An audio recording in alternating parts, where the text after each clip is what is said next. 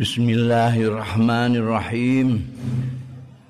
Qala al-muallif rahimahullah wa nafa'ana bihi wa bi ulumihi fid dharain amin.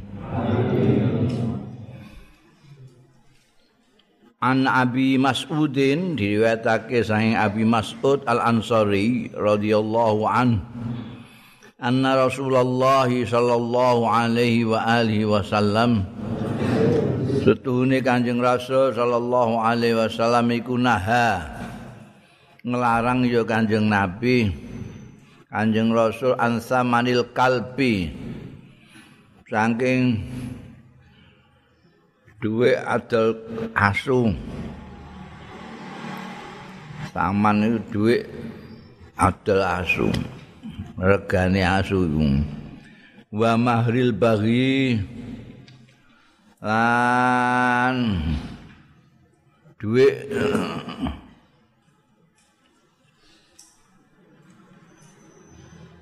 Istilah kok mahar duit. Honore begenggek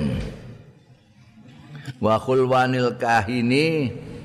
Lan honore kahin. Kahin niku tukang ramal eh dukun barang ngono kuwi.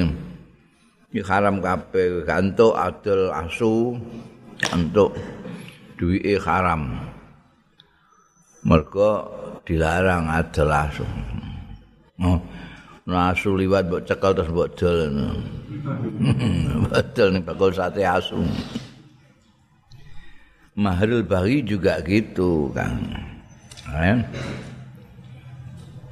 Duit oleh-olehane mbegenggek iku juga enggak oleh. Moro ning dukun juga honore dukun juga tidak boleh. Kitabul Ijarah bab ijarah. Ijarah itu bisa sewa menyewa, bisa mengambil bu, buruh istijar itu ngambil buruh. Babu istijari rajul bab ambrih nyambut gawe wong lanang asali sing saleh. Wa qaulillahi ta'ala dawi Gusti Allah taala inna khaira man istajarta al qawiyul amin. Iki dawe Gusti Allah hikayatan an putrine nak apa kae sing nerangno Nabi Musa itu. Kon ngepek mantu Nabi Musa. Kon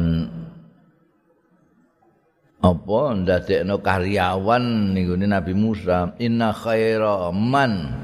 Sak bagus-baguse wong istajarta sing amrih nyambut gawe sampean panjenengan iku alqawiyul amin wong sing kuat tur sing kena dipercaya.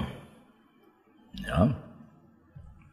Lo mencari orang untuk bekerja, mbok dadekno sekretaris, mbok dadekno bendara, mbok dadekno apa, iku ya cari karyawan sing kuat lan kena dipercaya.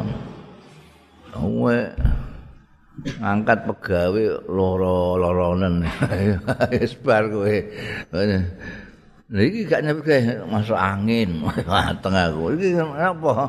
Boyoke lagi umat. Hmm, ah wis. Sing kuat. Muluh kuat tapi ora kena dipercaya rusak kabeh penggawean. Eh serai duit dinggo terus ae. Paling bagus alqawiyul amin. Golek pimpinan barang itu ya rakyat nek golek pimpinan karena pimpinan itu kan ya buroy rakyat. Oh istilahnya apa itu? Hmm apa istilah sing dipasang nih ini anu nih korpri itu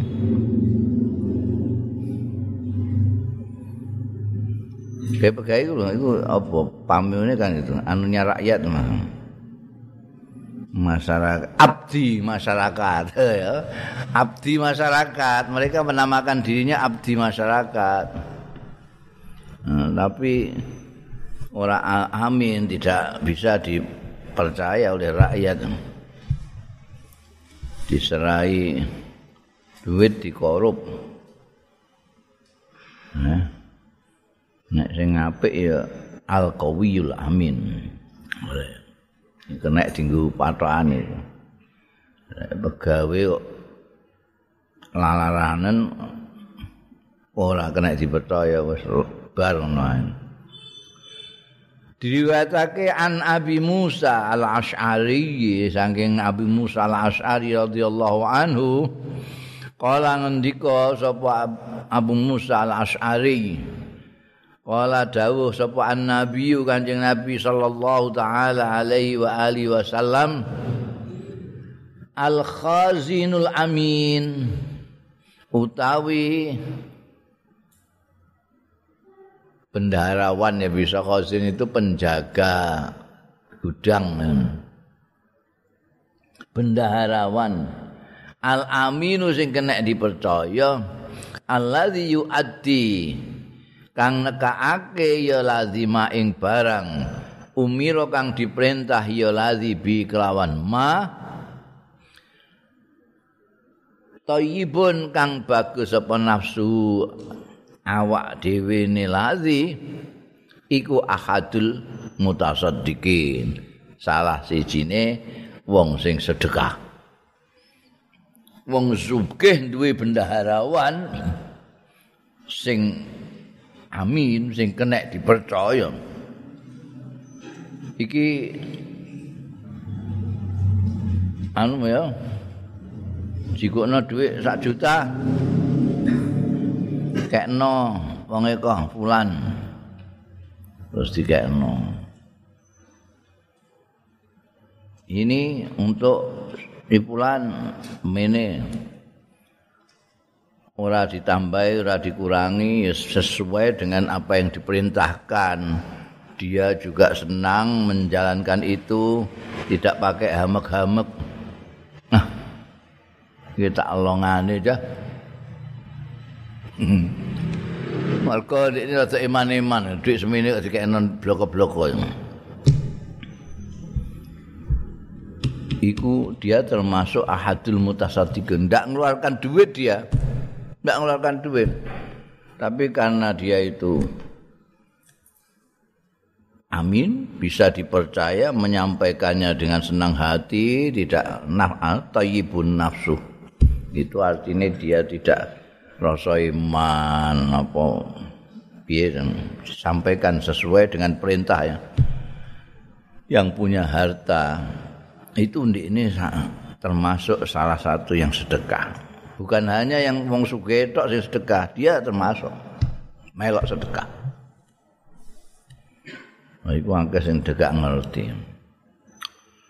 Jadi ana apa bansos bantuan sosial eh iku sing mengisor iku ora yu adi ma umirabi Terus bantuan sosial itu nek umpamane kok ora dipuangan karo oknum-oknum. Aparat-aparat sing ora thayyibun nas, ora amin. Wah, iku sejahtera kabeh. Sejahtera kabeh, gak ono wong melarat. Wakeh lho. Seorang mbok pirang yuta ngono iku. Tapi mudun iki gak tekan. Ini parah banget. Ketidakamanan itu sudah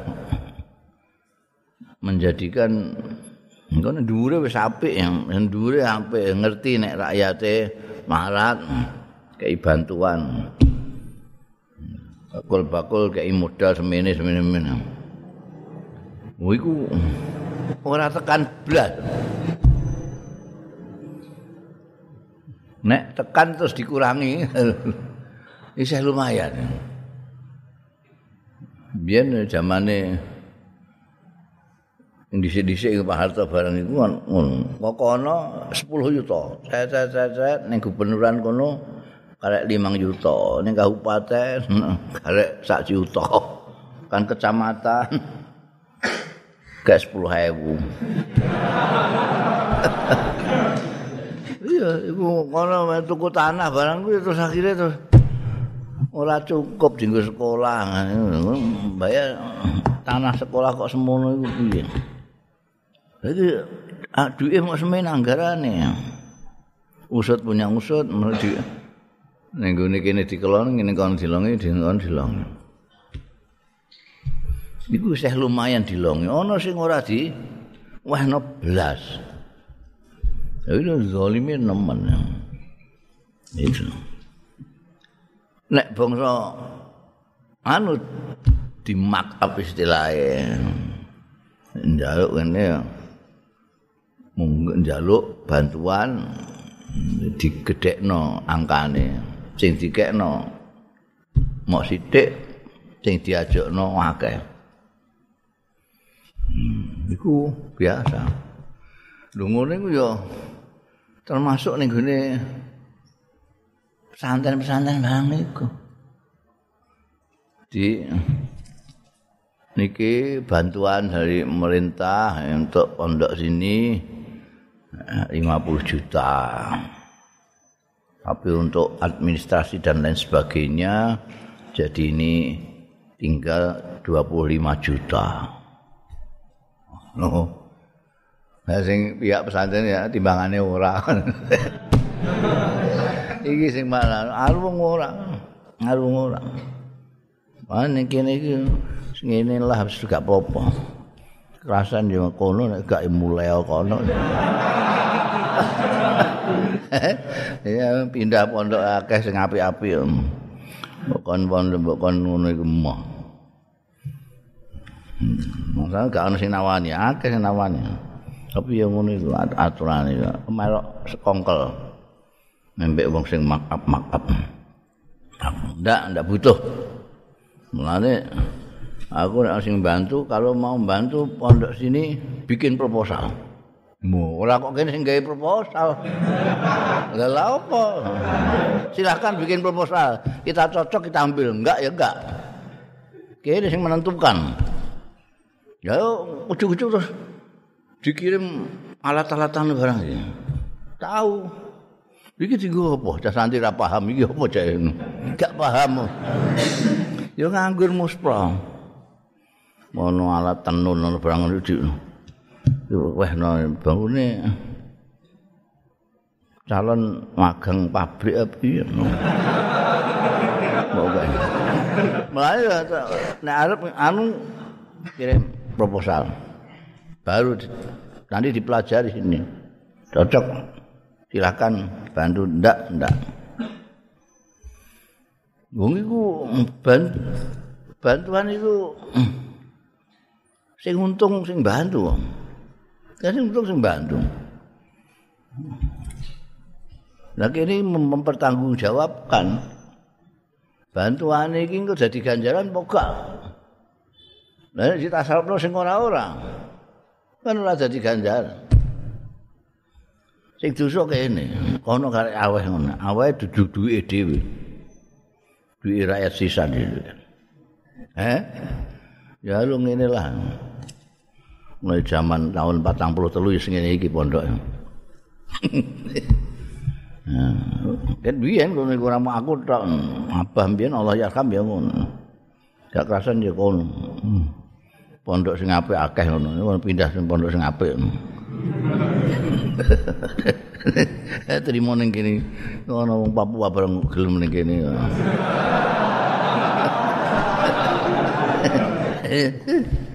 Ya wis. Iya, yang penting barokah. Sampai bangga. Nek barokah lah apa? Percuma. Heeh. Heeh.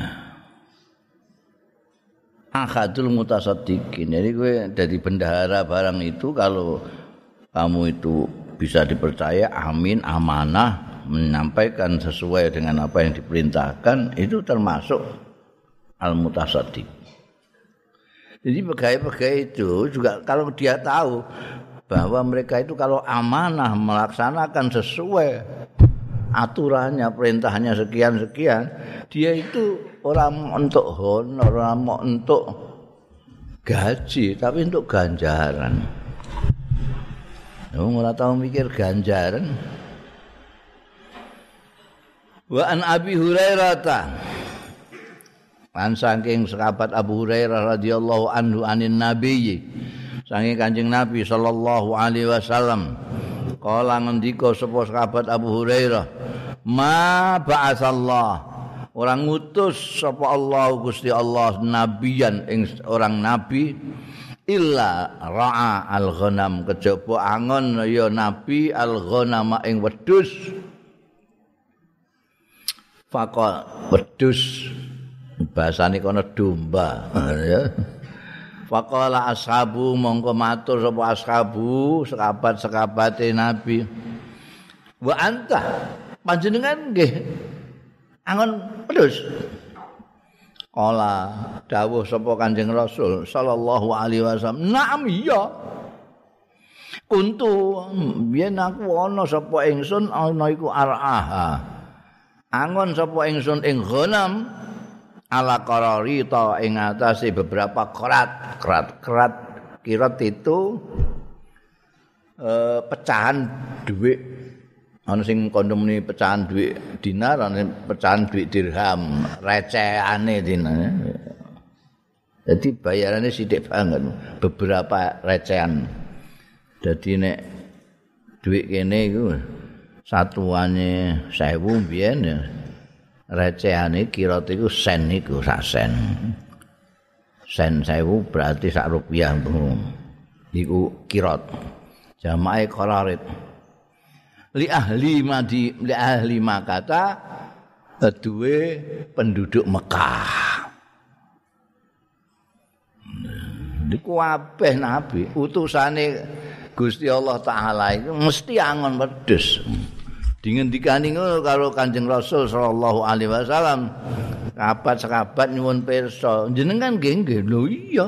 Aku mbiyen angon wedhus wae wong-wong Mekah iku dibayar pirang sen. Beberapa sen. Nabi Musa malah luwih terkenal meneh tongkate. eh ning dindi kan di dinggo tongkate iku ora kok dinggo meden-medeni Firaun tok. Nah dinggo ngusah. ngusah wedhus ambek dinggo nyenggek-nyenggek ahusu. Ala ghanami. Ya. Hikmah apa mergo nabi ini akan angon menusa. Ya kesabarannya bagaimana cara apa namanya menata hati menata pikiran itu ora tahu angon wedhus ah. Wedhus kene digoreng rene kene mlayu rono. Ini anu kene kene kene kene sing mlayu rono. Wangel kan. Nyabari wedhus iki nyabari wedhus. Akhire nyabari manusa iku wis ah wis kacake atuh wedhus mek manusa. Sak gendeng-gendenge manusa kan isih gendeng wedhus ah. Oh, so isih ngerti nek iki pager barang. Wedhus ora ngerti pager, wabra ya. Manusa isih ngerti nek iki tandurane wong. Wedhus ora. Tandurane sapa dincancak. Sing salah sapa sing ngangon gitu. Gitu. Jadi mulane mulai Nabi Ibrahim, Nabi Isa itu sampai kanjeng Nabi Muhammad sallallahu alaihi wasallam Tuhan. Mulane ana istilah penggembala, ana istilah domba. Wahai domba-dombaku ngono.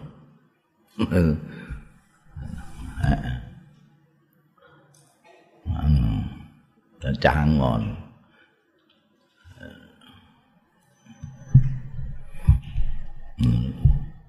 Nek kowe tawangan wedhus ya kira-kira kowe iso dadi pemimpin. Eh? Nek dadi pemimpin barangku sabar.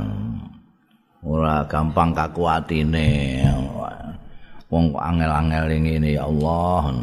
Eh, Kanjeng Nabi Muhammad sallallahu alaihi wasallam itu kan masya Allah sabare ra karuan. Wong semono akeh kelakuane beda-beda.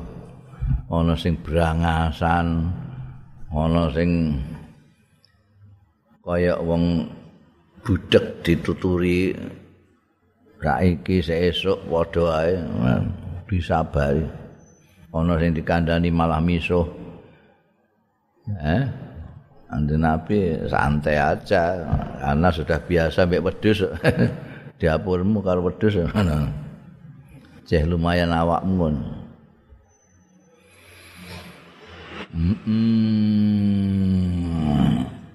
An Ibni Abbas diriwayatake sang Abdullah bin Abbas radhiyallahu anhuma anna nabiyya setune Kanjeng Nabi sallallahu alaihi wasallam ba'asa ngutus sapa Kanjeng Nabi sallallahu alaihi wasallam Muazan ing sahabat Muaz bin Jabal ilal Yamani marang Yaman.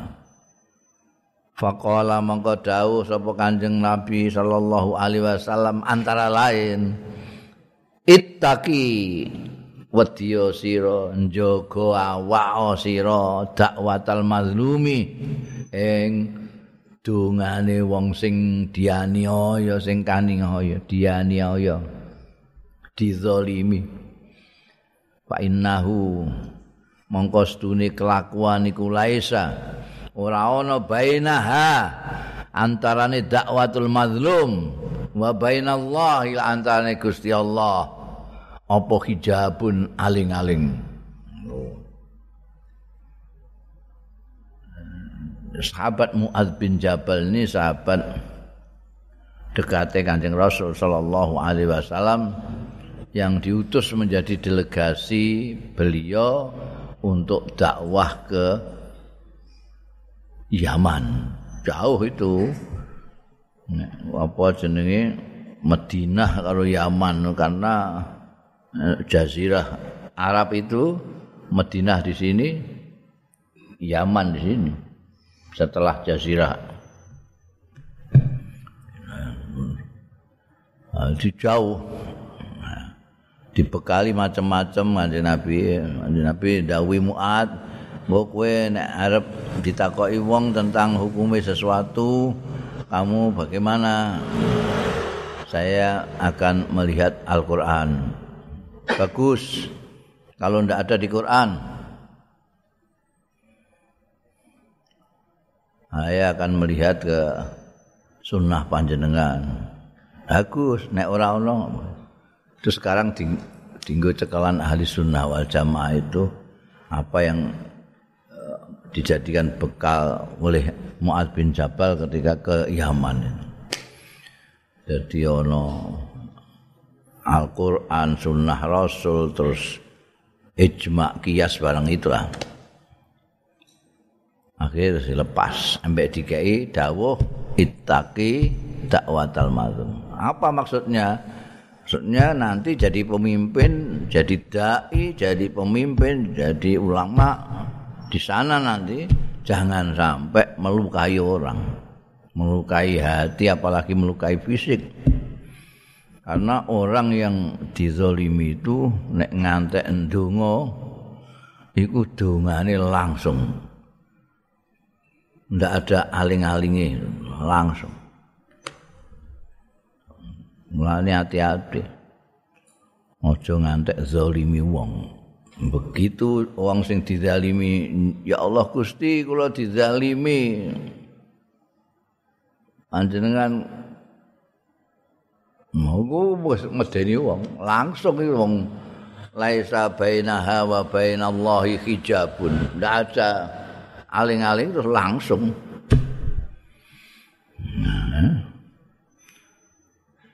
Nah, coba maknani nek ngono goleki wong sing mazlum-mazlum ae kon ndongakno ku. ben kowe sugih. Ora ora ngono urusane maksude ora ngono. Maksude kowe iku aja zalimi wong. Zalimi wong terus ndekne mergo gak wani karo kowe. Mergo kowe kuwasa mergo kowe luwih gedhe. Iku ndekne gak iso apa-apa kecuali matur ning Gusti Allah. Lha ya hati-hati kowe. Rakyat bareng ngono iku kowe nek dadi pimpinan dari pejabat Oh, gak hati-hati kowe pasatno rakyat wis njungkir kowe. Nah. Mulane akeh, nek gelem niteni ngono akeh. Bener iku cukup-cukup kok. Ngono iku piye? Mu iku didongakno dipasotno kan. Ana sing tau dizalimi. Mulane ini peringatan kanggo pimpinan orang yang oh kiai dai ya sing se level Muad bin Jabal nalika diutus Kanjeng Nabi delegasi keagamaan itu. Atau dia kiai atau dia mubalek atau dia saiki istilahnya ustadz sak piturute itu. Itu kalau sampai zalim kepada mas rakyat rakyat ndonga bar. Wis bar ngono wae. Mergo laisa bainaha wa bainallahi hijabun. Intine enggak boleh orang zalim. Delok sing dinasehati itu sahabat gede yang diutus oleh Kanjeng Nabi untuk menjadi delegasi. Maka ini terutama pimpinan-pimpinan orang wong gede. Itu. Enek kaya kowe mbah dolimi sapa wong kowe ambek wong ya gedhe wong timbangane kowe. Menzalimi kan sak ngisore. Ngene kowe cilik-cilikan ya awakmu bentot terus mbok kalan sing kuru-kuru iku. Iku didongakno bar kowe. Bunda an Husainin an Amirin radhiyallahu anhu maqal. Ngendika sapa Husain sami tu mireng sapa ingsun Nu'man bin Bashirin. Eng An-Nu'man bin Bashir radhiyallahu anhuma. Wa huwa khali utai An-Nu'man bin Bashir iku alal mimbar di atas mimbar ing atase mimbar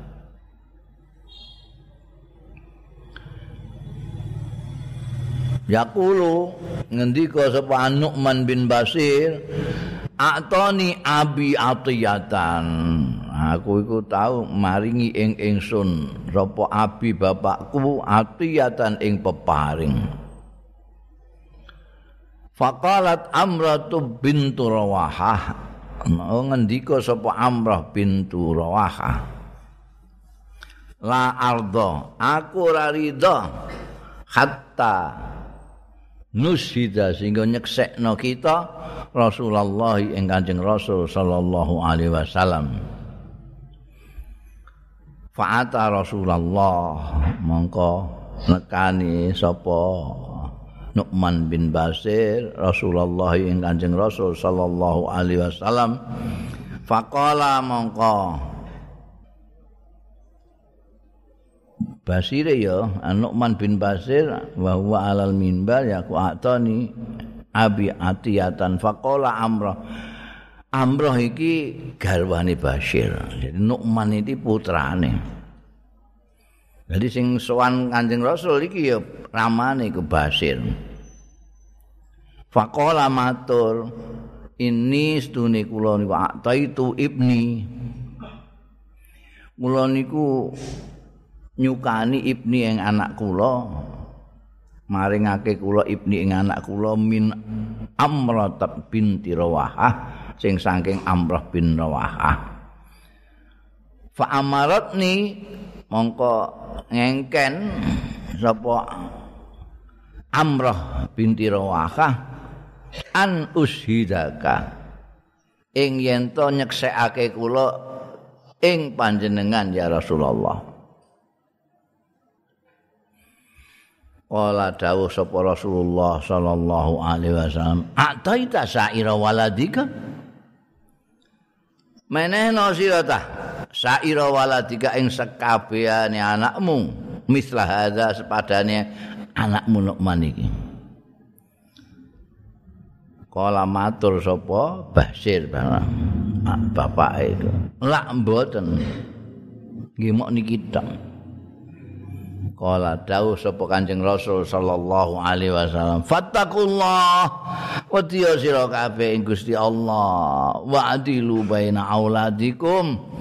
lan adilo sira kabeh baina auladikum antarane anak-anak ira kabeh.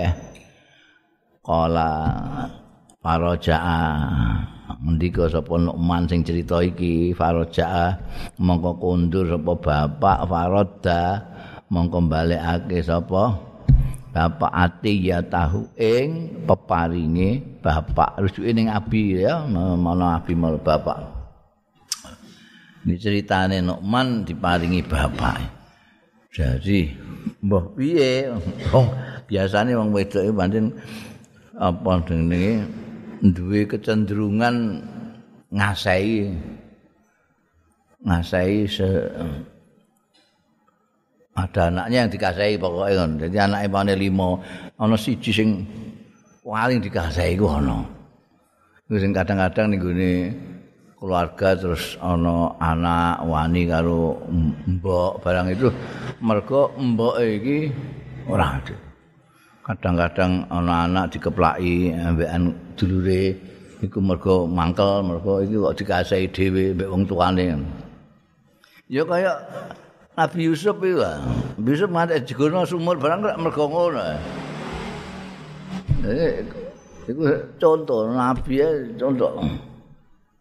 Iku janji ana panganan ya di iki. Sing kene meh njikuk pangan. Es aja anu iku kanggo dulurmu sik. Kanggo adikmu apa kanggo kangamu. Kan gelo dikonokno bolak-balik. Oh, terus rembukan Nabi Yusuf di anu ngono. Jegurno sumur. Gara-gara mlan mbek Kanjeng Nabi gak pareng. Iki ceritane iki ngono. Amrah bintu Rawahah itu ya ngono. Anake sitok sing eman iku karepe kongkon ngeki. wis tak kei yo. Jarine bapak ya atang. Wis tak kei. Ah ra ngandel aku. Nek gak mbok seksekno ning Kanjeng Rasul gak biyen Kanjeng Rasul ya digo tatapan niku nek ra ngandel.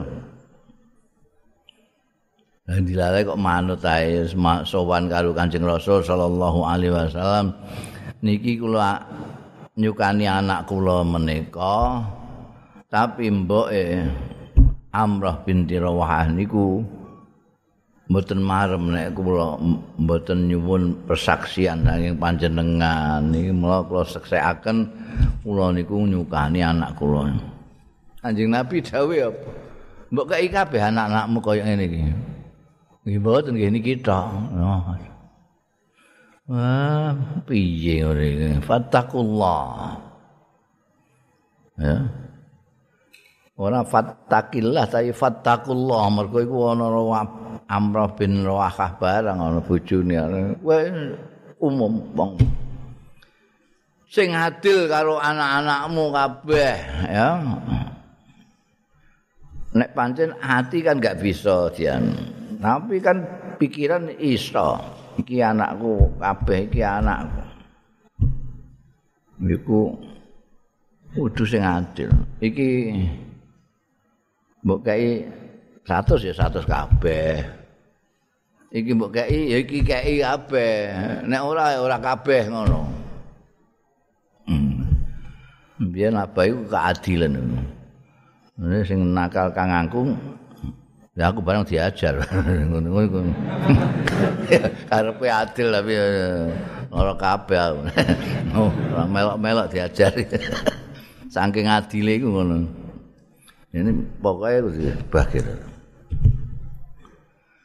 Lah nek anake iku iso mengendalikan diri ya wis pancen aku pancen kono sing barep ya pantes lah. Ini luwih suwe karo mbok karo bapak luwih seneng karo kono ya pantes. Nek iki iso ngono nek gak iso. Nak mangkel. Mangkelan dulure mesti mangkel. Aku mbiyen mangkel karo Kiai Khalil lan Mekho. Ngono. Berarti arep mbakas ngantenane Kiai Khalil iku aku krungu rembukan aku jek cilik ngene jare. Ngrungokno rembukane abah karo ibu. Anu bah.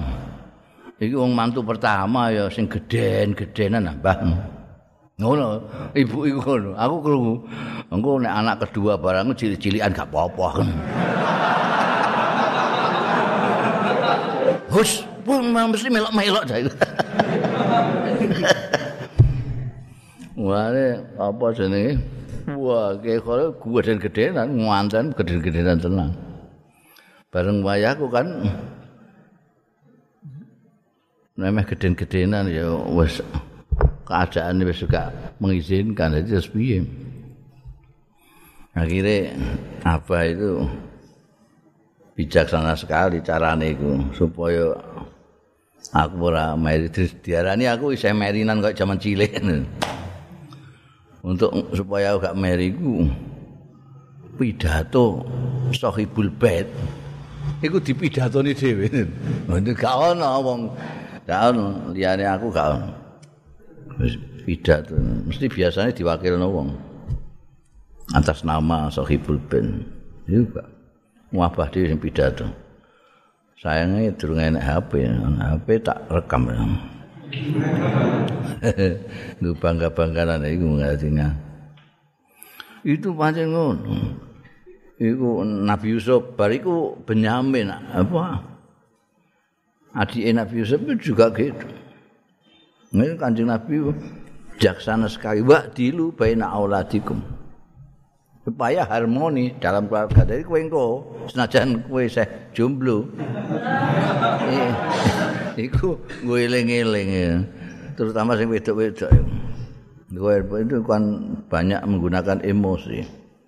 Ono sing misalnya nalika nglahirno bocah iku ngeloro kabeh. wis nyidame sing ora-ora. eh? Ngono nyidam coro barang ngono ya. Wis nyidame ora-ora metenge kesuwen, lahire angel bangsane ngono. Lahir iku kudu anu wae. Iku ya ana sing terus lalu di pendil-pendal dhewe niki anake anake sing liyane gampang-gampang ora kakean macem-macem wong sing ngangelno iku terus diincim. Di ora diadilno karo sing liyane. Ana sing justru beda neh. Anake sing barep wahir ganteng bariku terus mbelesek ngono. Eh iku sing iku mesti beda. Iku iku hati-hati kowe. Wedok beda. Beda biyen nek kaya pengalaman iku ora kok aku ngarang-ngarang gak pengalaman ya ya kalau iku lahir kan putih wangir ganteng ngono Wasi ning pondok iku pondok kasingan. Kayak piala bergilir, angger wong gendong irono. Bariku terus aku wong ireng ngono. Jajan iku ceritane ibu ngono. Aku irengan ngono. Jadi gak ana santri-santri sing gendong aku ya ora ono. Sing gendong aku ya aku tukang ngiseni jeding iku dadi bakul banyu. Dadi nek tukaran mbek Kiai Khalil sih anake bakul banyu.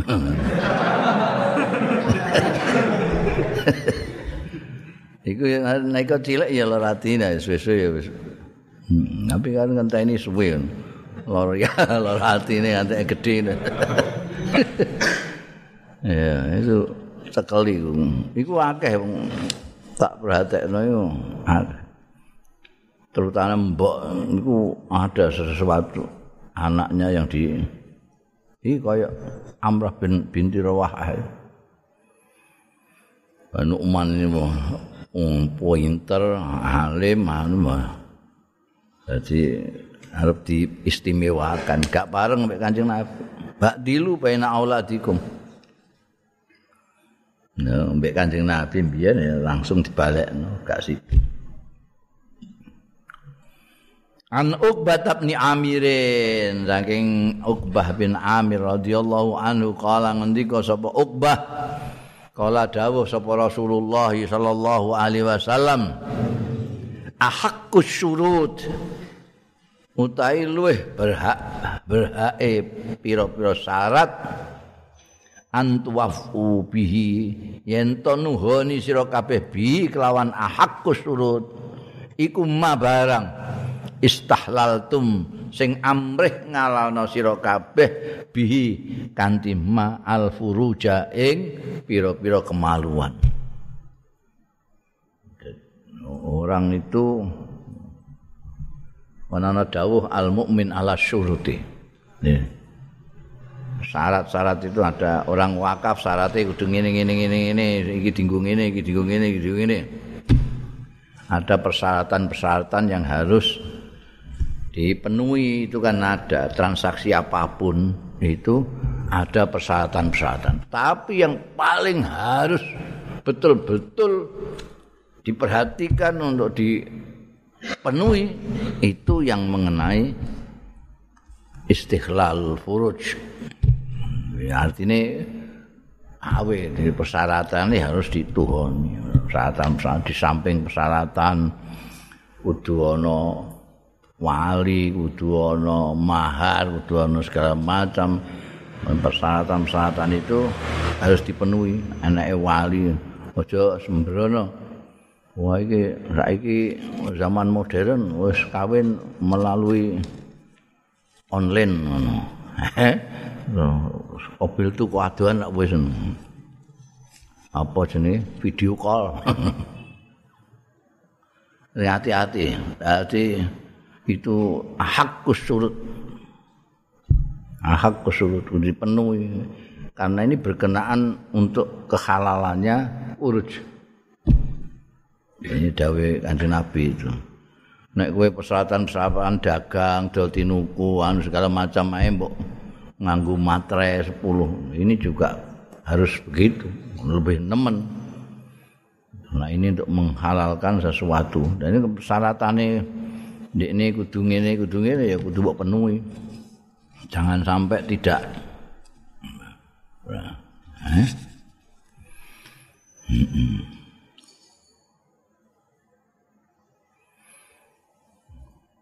Bab surut fil waqfi. Bab syarat-syaratnya dalam wakaf.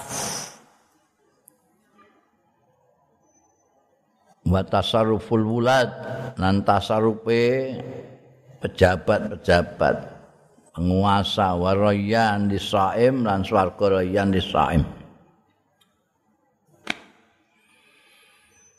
An Ibni Umar diriwayatake saking sahabat Abdullah bin Umar radhiyallahu anhuma anna Umar satune sahabat Umar bin Khattab radhiyallahu an.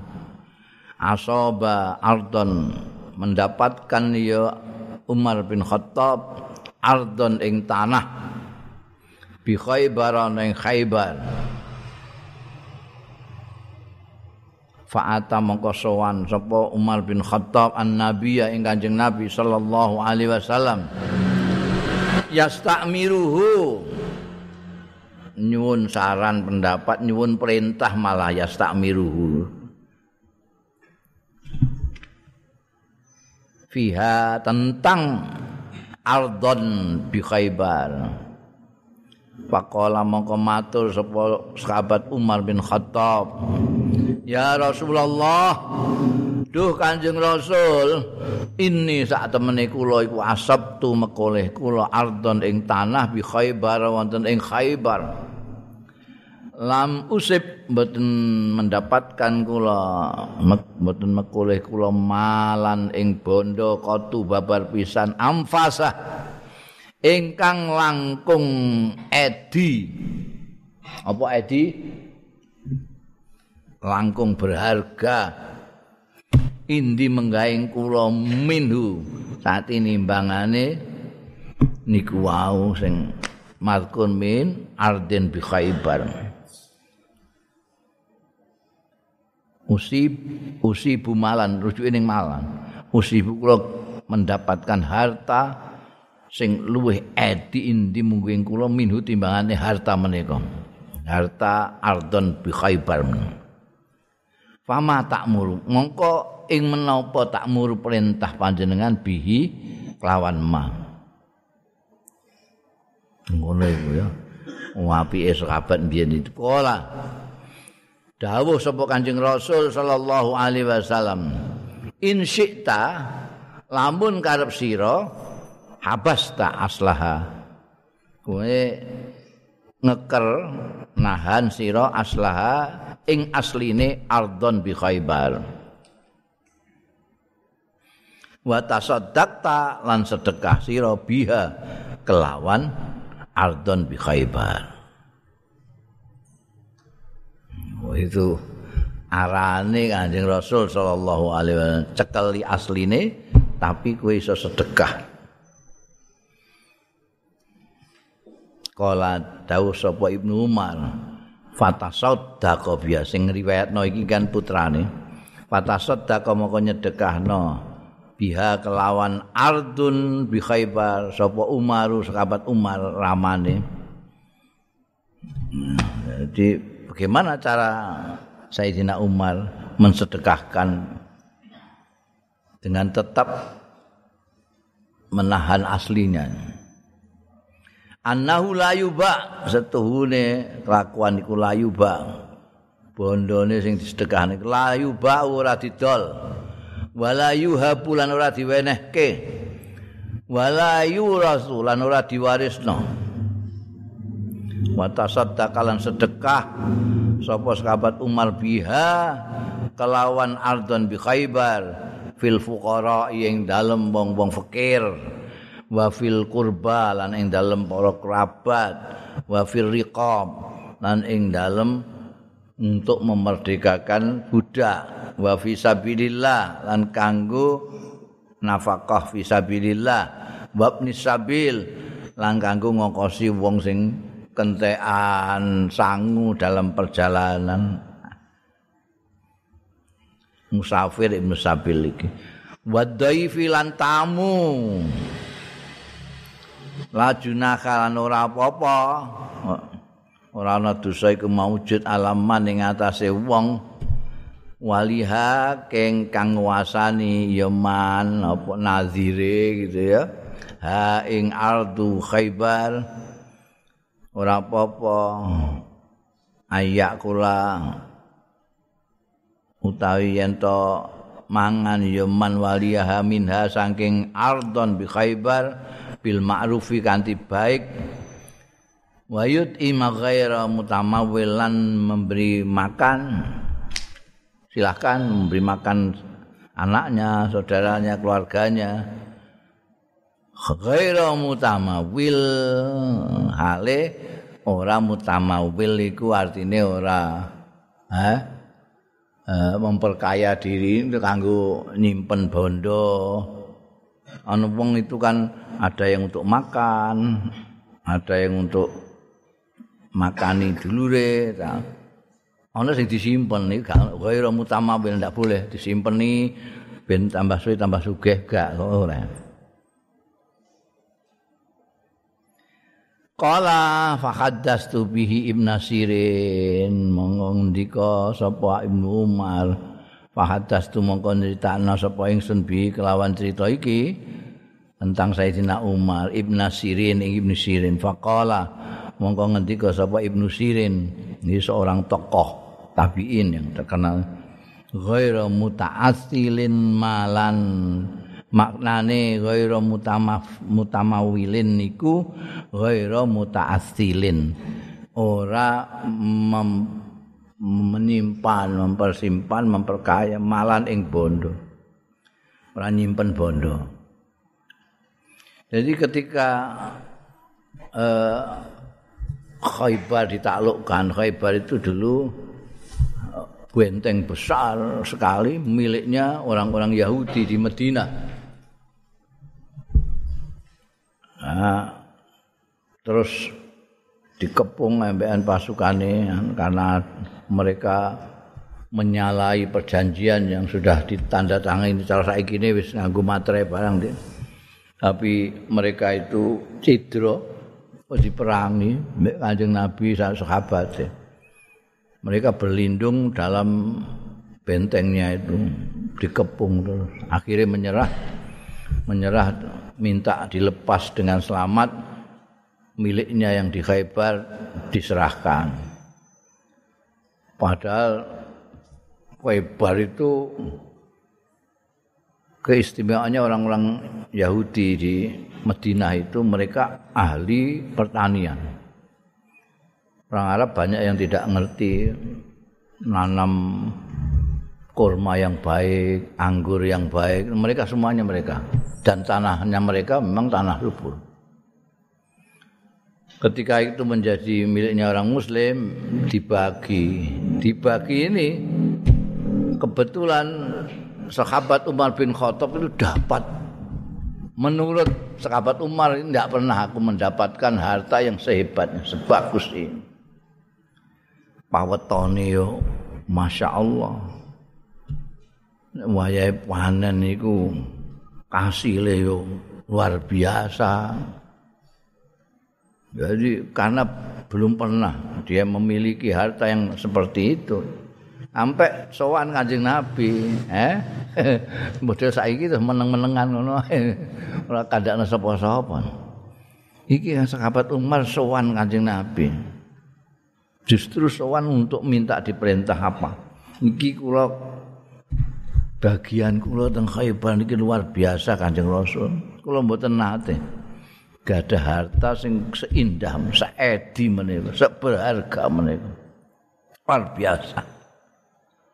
Mila jenengan dawuh napa? Nyuwun dawuh yastamiru itu nyuwun dawuh. Nyuwun dawuh ing Kanjeng Nabi. Kula didhawuhi napa kula napakake niki. jawab kancing Nabi nek iso iku tetep mbok mbok tahan asline itu tanah itu ndak dijual ndak apa tapi sedekahkan. Ini asal itu sana wakaf itu. Jadi orang yang punya tanah terus mendapat bagian dari sedekah tapi apa namanya miliknya tetap. Jadi terus lu mintu terus sedekah terus saya selama masih ada yang menggunakan itu. Nah itu tanah sahabat Umar itu luar biasa. Maka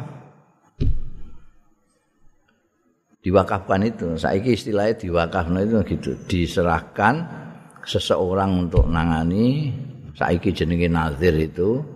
Ini garapan iki tanah kayak iki. engko pawetone segala macam engko engko sedekah ning gone wong fuqara wal masakin ning gone zawil kurba. Nek ana budak dituku dimerdekakno. Ana perjuangan iki kudu umbang anggo berjuang fisabilillah.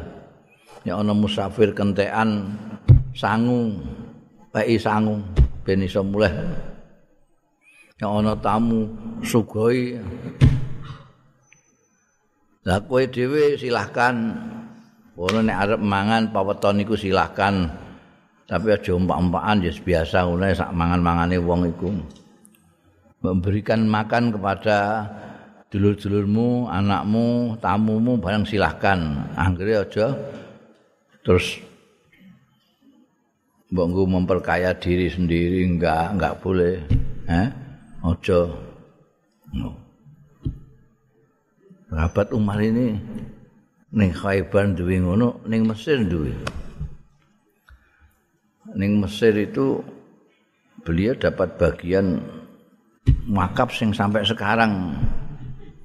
Diwakafna untuk Nasrul Ilmi pendidikan. Al Azhar University itu yang besar itu itu nafkahnya dari wakafnya Sayyidina Umar. Sayyidina Umar.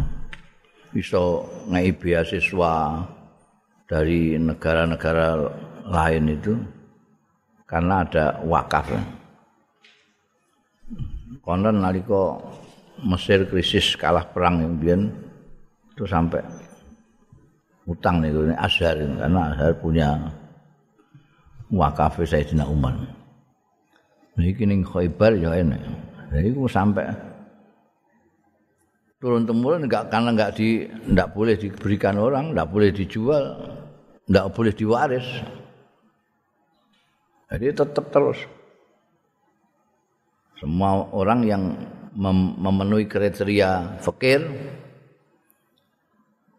uh, zawil korba ini kerabat-kerabat semua Rikop sekarang sudah tidak ada gara-gara ono orang-orang baik seperti Sayyidina Umar ini yang hartanya digunakan untuk mencari budak terus dituku di merdekaan tuku merdekaan dan itu ganjarannya gede banget.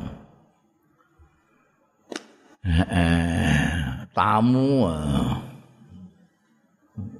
nek wong Arab nek romo mbek tamu wis masyaallah dihormati luar biasa. Ya. Babul yaminil fajirah. Bab sumpah sing lacut sumpah yang Pacut itu sumpah yang tidak benar, sumpah yang jahat. Babul Yamin Al-Fajirah wallahu